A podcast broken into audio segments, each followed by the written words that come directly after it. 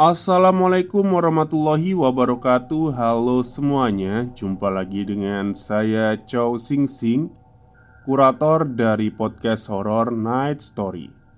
Halo apa kabar semuanya? Semoga kalian semua sehat-sehat ya. Dan seperti biasanya pada hari ini saya kembali dan akan Menghadirkan sebuah kisah mistis untuk kalian semua. Kisah mistis kali ini saya datangkan dari treat horornya Kill Me Baby Yang menceritakan tentang uh, keangkeran Bukan dari rumah yang ditempati ya Melainkan rumah yang ada di sebelah rumah kontrakannya. Oke daripada kita berlama-lama Mari kita simak ceritanya. Tante penghuni rumah sebelah. Maaf kalau berantakan baru buat treat pertama kalinya Oke jadi langsung saja ya. Aku kan kuliah dan tinggal bareng temen di rumah temen aku yang udah lama kosong. Jadi kami itu berteman empat orang Tapi yang satunya nggak tinggal bareng kami. Nah Di samping rumah kami itu awalnya ada tetangga tapi nggak tahu kapan pindahnya Setiap liburan udah kosong. Kosong aja kiri kanan FYI Papa aku orang yang kebetulan juga bisa lihat hal semacam gaib gitu Sebelumnya Aku sama teman aku ini sebut saja M Tinggal berdua sebelum si L tinggal bareng kami Dan Aku sempat sakit seminggu dan dia benar-benar sendirian di rumah di mana rumah itu udah kami tinggal selama liburan tiga bulan.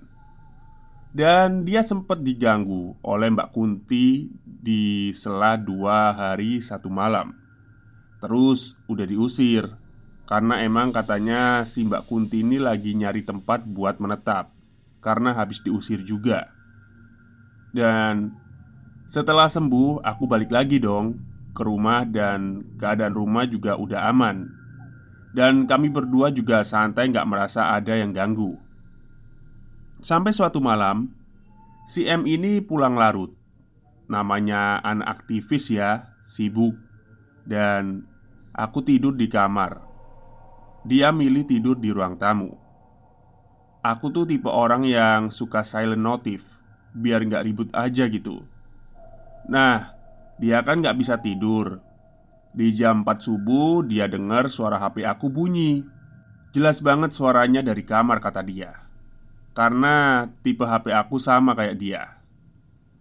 Jadi suara yang ia dengar emang suara nada panggilan tipe HP aku yang pada umumnya orang gunain. Dan aku kan gak tutup rapat pintu kamarku toh. Jadi dia masih bisa lihat gerak-gerik aku dari luar.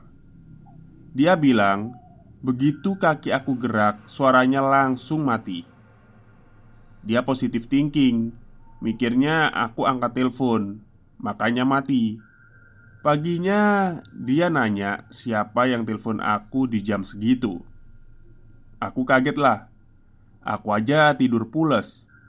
Terus aku liatin deh notif panggilan masuk dari log panggilan sama dari WA juga. Dan emang beneran gak ada Oke Kami coba untuk positive thinking Santai aja gak terlalu mikirin.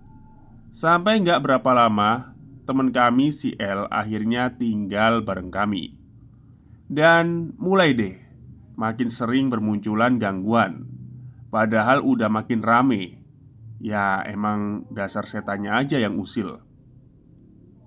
Dan FYI lagi kalau Jumat Sabtu gitu Temen kami yang satu lagi sebut saja C Kadang nginep di rumah juga. Lanjut ya. Nah awal diganggu itu pas kita lagi bertiga. Yang pertama Maghrib itu aku sama si M selesai sholat Si L enggak. Karena emang maklum cewek kan. Kami barengan bertiga di depan TV Tapi Gak tahu kenapa malam itu hening. Semuanya pada fokus ke HP masing-masing Tiba-tiba Kami ngedengar ada suara ngetok-ketok pintu di belakang tapi cuma tiga kali doang. Kami langsung terdiam, lihat-lihatan bertiga. Terus si El bilang, "Eh, kalau ngetoknya cuma tiga kali itu wajar nggak sih?" Oke lah, kami tetap mencoba untuk positive thinking. Yang kedua, malamnya kami jelas banget ngedengar ada suara orang melangkah, tapi kayak diseret gitu. Tapi cuma dua langkah. Kami langsung ngejar ke depan dan ternyata nggak ada siapa-siapa. Yang ketiga, kami emang suka tidur di atas jam 10 sih. Jadi lagi hening asyik main HP.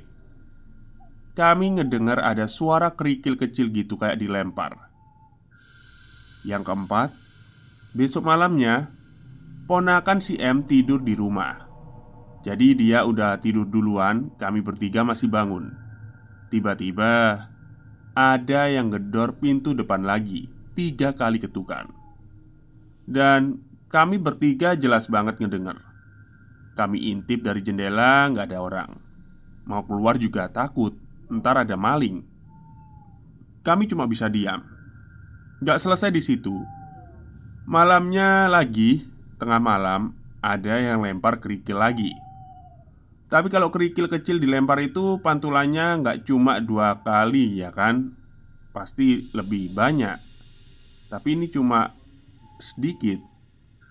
Sorenya waktu pulang kuliah Kami mulai bahas deh Soal kejadian beberapa hari ini. Kami merasa ada yang aneh.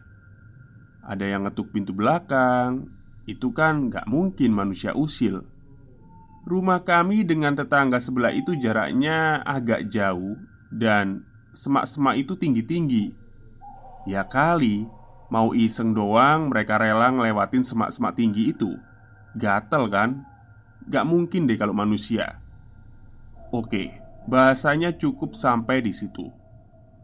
Kelima, hari besoknya, maghrib lewat sedikit, si M ini keluar sendiri. Di rumah tinggal aku sama si L. Nah kami lagi hening Asyik main HP Tiba-tiba dari dinding sebelah rumah kosong yang kiri itu Ada yang ngetok Tapi cuma dua kali. Dan itu kami awalnya diem. Terus langsung nelpon si M. Dia akhirnya pulang. Kami bahas lagi deh. Rumah sebelah kanan jaraknya jauh Tapi ada semak-semak. Nah, kalau sebelah kiri ini jaraknya deket banget. Mungkin kira-kira ya 5 atau 10 jengkal jari deh. Dan Udah lama nggak dihuni. Akses ke belakang itu benar-benar nggak ada Karena rumah kosong kiri ini dempet ke pagar rumah sebelah kirinya. Dan antara rumah kosong sama rumah kami ditutup oleh seng Ya nggak mungkin banget lah. Orang bisa masuk ke belakang terus iseng gedor-gedor dinding.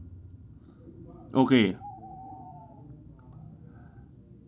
Ini rumah sebelah kiri. Kemarin itu pulang kuliah tiba-tiba rumputnya udah pendek semua. Mungkin ada yang mau beli atau nyewa ya. Singkat cerita teman aku si C Dia sempat di rumah si M. Terus si C numpang mandi Nah, dia ngedengar ada langkah kaki orang yang mau masuk. Padahal pintu dia kunci dari dalam. Dia buru-buru mandinya akhirnya. Dilihat gak ada siapa-siapa. Padahal dia dengar jelas kalau ada orang yang mau masuk. Gak mungkin kalau emang orang yang mau masuk bisa tahu kalau si C ke depan ngintipin ada orang apa enggaknya. Dan aku juga sering ngalamin ini setiap lagi sendirian di rumah. Aku lagi di belakang, keadaan pintu udah aku kunci Aku dengar jelas Ada suara kerasa krusuk Pergerakan orang di ruang tengah. Pas aku cek ya kosong gak ada siapa-siapa. Hampir sering aku mengalami seperti itu. Jadi kadang aku hidupin musik kenceng aja biar nggak kedengeran. Oke lanjut Suara serak-serak langkah kaki diseret itu nggak sekali dua kali kami dengar. Kerikil dilempar juga hampir tiap malam kami dengar. Sampai kayak Ya udahlah Mungkin dia kesepian. Jadi cari perhatian ke kami. Sampai malam di mana aku tinggal sendiri di rumah Si M dan si L ini lagi pulang kampung Karena jam mereka juga udah kosong Tapi aku masih ada kegiatan. Aku beraniin diri sendiri untuk tidur di rumah itu. Aku lagi asyik ngerjain tugas Tiba-tiba ada yang menghembuskan nafas di telinga aku. Kayak bisik tapi nggak jelas. Aku merinding, tapi tetap positif thinking. Mungkin hanya halusinasiku saja. Aku pun lanjut buat nugas, dan lagi-lagi ada hembusan nafas di telingaku. Akhirnya aku tutup laptop, terus aku pasang headset. Aku VC doi minta ditemenin tidur. Aku nyuruh dia buat bacain ayat kursi sampai aku ketiduran.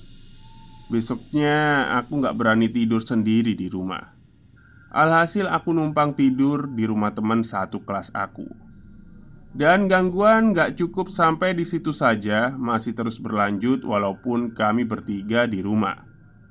Dan pas malam doinya doinya aku sebut saja F ya Dateng Rame-rame sama kawan-kawannya. Kami semua duduk di dalam minum sambil cerita-cerita. Nah, kawannya si F ini panggil aja R Keluar karena ada yang nelpon. Dia duduk di dekat meja semen yang pojok Dekat rumah kosong sebelah kiri. Sambil teleponan dia. Dan si R ini Tipe orang yang suaranya heboh gitu, besar ya. Jadi pas dia lagi duduk bicara sama yang nelpon Ada yang ngelempar kerikil kecil ke dia. Dia cuek Habis itu dilempar lagi. Akhirnya dia noleh dong ke rumah kosong itu Dia ngelihat ada perempuan pakai jilbab hitam Lagi menatap sinis ke arahnya Kayak nggak suka gitu. Itu perempuan ngintip dari jendela rumah kosong. Dan si R bilang Tuh perempuan kayak cewek zaman dulu gitu Pakai jilbabnya maju banget katanya. Si R akhirnya langsung pindah duduk di depan pintu karena dia mikir mungkin keganggu ya sama suaranya Terus dia masuk ke dalam selesai teleponan dan nimbrung cerita Ya kami ketawa-ketawa yang heboh banget Sampai si R ini nanya Eh, kayaknya kita ini terlalu berisik deh Ntar orang sebelah marah Sebelah mana? Sebelah ini kosong Emang kenapa? Terus dia cerita Dia tuh lihat perempuan yang lihat rumah ini. Aku kaget dong, langsung merinding lah. Aku bilang juga kalau rumah sebelah kiri itu kosong dan sebelahnya lagi orangnya lagi pergi. Si R ngiranya emang kami sengaja matiin lampu karena udah mau tidur malam. Eh maksudnya itu rumah mereka ya. Itu disengaja matiin lampunya karena mau tidur malamnya. Gak masuk akal juga kan Matikan lampu dari maghrib Aneh juga si R.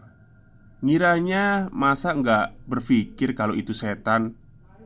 Aku merinding banget pas dia jelasin ciri-cirinya si hantu. Yang si R kira Perempuan sebelah rumah marah karena dia berisik. Dan saat si R itu tahu kalau itu rumah kosong Dia nyeritain dengan bulunya yang berdiri Aku makin takut karena baru kali ini dia nunjukin bentuknya dan untungnya ke teman kami si R ini. Besoknya aku balik ke rumah orang tuaku Yang mana tempat tinggal asal kami berempat Cuma sekitar satu jaman sih dari kampus. Dan di hari aku balik Si L sama si M udah balik lagi ke rumah itu. Si L pergilah jalan sama doinya. Nah si M sendiri di rumah Pas si M lagi mandi, keadaan keadaannya maghrib. Tiba-tiba dia tiba-tiba aja ada yang gedor kenceng banget dari belakang. Dia langsung lesain mandinya dan ngechat si L biar cepetan pulang. Keadaannya di chat grup, aku yang baca kebetulan lagi duduk sama papa. Aku ceritain ke papa semuanya Terus papa menjamin mata kayak Ya nerawang gitu ya Papa langsung bilang Itu bukan jilbab, tapi itu jubahnya. Dia pakai jubah hitam, rambutnya sekitaran sebahu lebih, berantakan. Dan dia memang mainin kayak pasir gitu. Dia bilang dia udah tinggal lama di rumah itu. Aku greget banget dengar cerita ini dari papa. Dan setiap yang papa bilang ke aku, aku share ke grup yang isinya kami berempat itu. Akhirnya papa menjamin mata lagi. Terus pas buka, papa bilang, "Namanya Nina." Kalau maghrib kan emang setan itu suka keluar ya. Karena rumah kiri kanan kosong, jadi setan-setan itu nampak ada kawan yang dia singgah. Kalau jadi kalau maghrib itu rumahnya itu rame sesama dia. Oh iya iya iya. iya. Jadi rumah kosong itu rame tapi sesama setan ya. Aku auto merinding mendengar cerita ini dari papa. Terus aku tanya, "Emang dia penghuni rumah yang meninggal di situ atau pendatang?" Papa bilang, "Dia bukan penghuni, tapi memang udah lama tinggal di situ dari sebelum kalian nempatin rumah." Heran aja kenapa setelah setahun kami tinggal baru dia usil gangguin kami. Dan dia ganggu sejak Mbak Kunti nangkring di atas atap belakang rumah. Dan setelah cerita ke papa nggak tahu gimana dia nggak pernah ganggu lagi Stop di hari itu dan semua mulai aman Gak ada lagi hal yang menegangkan Gak ada yang diganggu lagi Tamat jadi ini ya eh, rangkuman atau kesimpulan dari ceritanya Mbak siapa ini? Kelmi Baby. Ini dia menempati suatu lingkungan yang mana mungkin rumah yang dikontrak tadi ini memiliki tuan. Maksudnya ya bukan bukan berhantu ya. Tapi dijelasin tadi katanya awalnya ditempatin oleh kuntilanak. Tapi kuntilanaknya udah diusir. Jadi Tapi di rumah sebelah kirinya ini Yang rumah kosong Ini memang ada penghuni lama. Bukan kuntilanak yang Mau nempatin rumah itu ya Intinya Memang di lingkungan itu Kalau maghrib itu Sesama setan itu suka main di rumah yang kosong itu Gitu. Ya Ceritanya menarik ya. Jadi Untungnya Si perempuan-perempuan ini nggak pernah melihat wujudnya secara langsung. Oke mungkin itu saja cerita untuk hari ini. Semoga kalian semua suka Wassalamualaikum warahmatullahi wabarakatuh